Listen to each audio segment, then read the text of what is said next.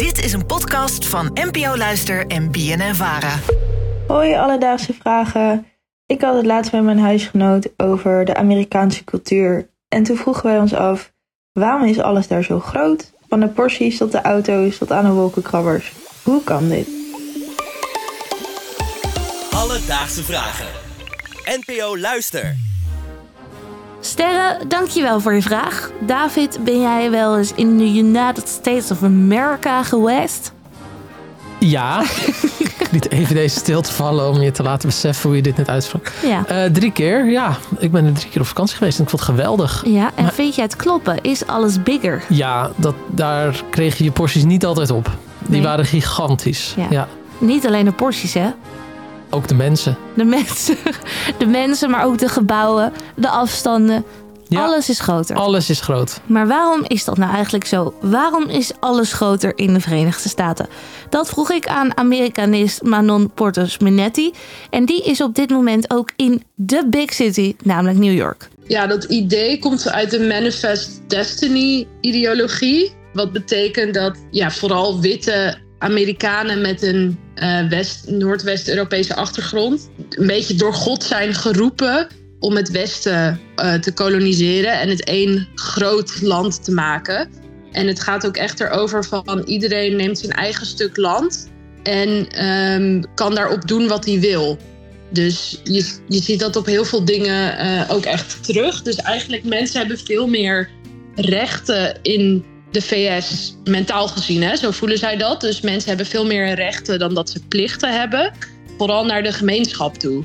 En zo zie je dat in de geschiedenis van de Verenigde Staten, hoe beter het ging met het land, hoe groter alles ook uiteindelijk werd. En je ziet vooral aan het einde van de 19e eeuw ook, en dat heet dan de Gilded Age, als al die eh spoorweg-tycoons en oliebarons allemaal echt heel rijk worden. Dan zie je echt families die bijvoorbeeld 40 enorme villa's laten bouwen in hartje New York. ehm, met nog 20 buitenhuizen op enorme stukken land. En ook laten zien dat in de nieuwe wereld is er rijkdom. Dus je wil ook juist laten zien dat je alles hier groter kan maken, want dat is een teken van succes. Als je zo'n grote ranch hebt, dan ga je natuurlijk niet in een klein eh, kevertje rondrijden. Dan wil je een ramvan hebben. Dan wil je een jeep. En je wil dat iedereen het ziet hoe rijk jij bent. America! Nu weten we dus, stel je bent zelf ooit naar de VS gegaan of je hebt wel filmpjes gezien uit de Verenigde Staten, dat de porties die ze daar te eten krijgen ook echt gigantisch groot zijn. Wat wij zien als bijvoorbeeld een groot menu, is bij hen een klein menu. Ooit toen ik in Amerika was, toen spraken we met iemand die was naar Amsterdam geweest. Vooral om te smoken. Maar die was ook heel erg verbaasd dat hij in de restaurants zijn eten opkreeg. Dat vond hij echt heel gek. Dat had hij nog nooit meegemaakt. Waarom zijn die porties, maar ook vooral de verpakkingen, bijvoorbeeld in winkels, nou ook zo groot? Ja, en dus ook die geschiedenis van kolonisatie. Dus je weet eigenlijk niet wanneer je weer gaat eten. Dus je merkt ook dat juist omdat mensen hun eigen stuk land hebben waar ze eigenlijk een beetje, vooral als je eigenlijk buiten de steden gaat, ja, op zichzelf wonen. Best wel ver van dingen. Alles is heel erg autocentrisch. Dat mensen ook maar bijvoorbeeld één keer in de week of soms zelfs maar één keer in de maand boodschappen gaan doen. Dus dan gaan ze naar van die enorme supermarkten, waar je dus niet 2,5 liter, maar een 5 liter pak melk kan kopen. Waar we in Nederland, ja, op elke hoek zit tegenwoordig een Albert Heijn of een Jumbo. Dus als je nog twee eieren moet kopen, dan ga je even, ja, loop je vijf minuten en dan ben je bij een supermarkt. En hier moet je soms gewoon een half uur rijden om bij een supermarkt te komen. Als je ook bedenkt van waar zie je dit allemaal aan terug? We hebben het over eten, we hebben het over porties, maar dat is nog lang niet alles. Je ziet het zelfs in medicijnen of kleren, echt bloemen. Je hebt eigenlijk alles in elke maat die je kan voorstellen, behalve klein. Alles gaat pas vanaf bijvoorbeeld als je sap of zo wil kopen in de supermarkt. Weet je al, wat is het 500 milliliter of zo? Ja, dat gaat gewoon niet gebeuren.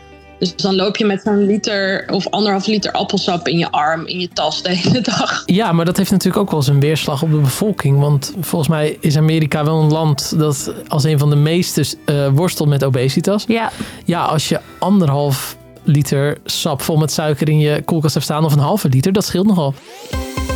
Alledaagse vragen.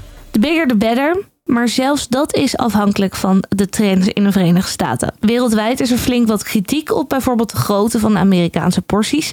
Maar verliest dit uiteindelijk ook de populariteit zelf in de Verenigde Staten? Nou, je ziet wel een, een klassenverschil daarin. Ja, hoe rijker eigenlijk, waar, dat eerst dus dat groter is rijker, dat zie je op zich wel bij, nog steeds wel bij sommige rijke mensen.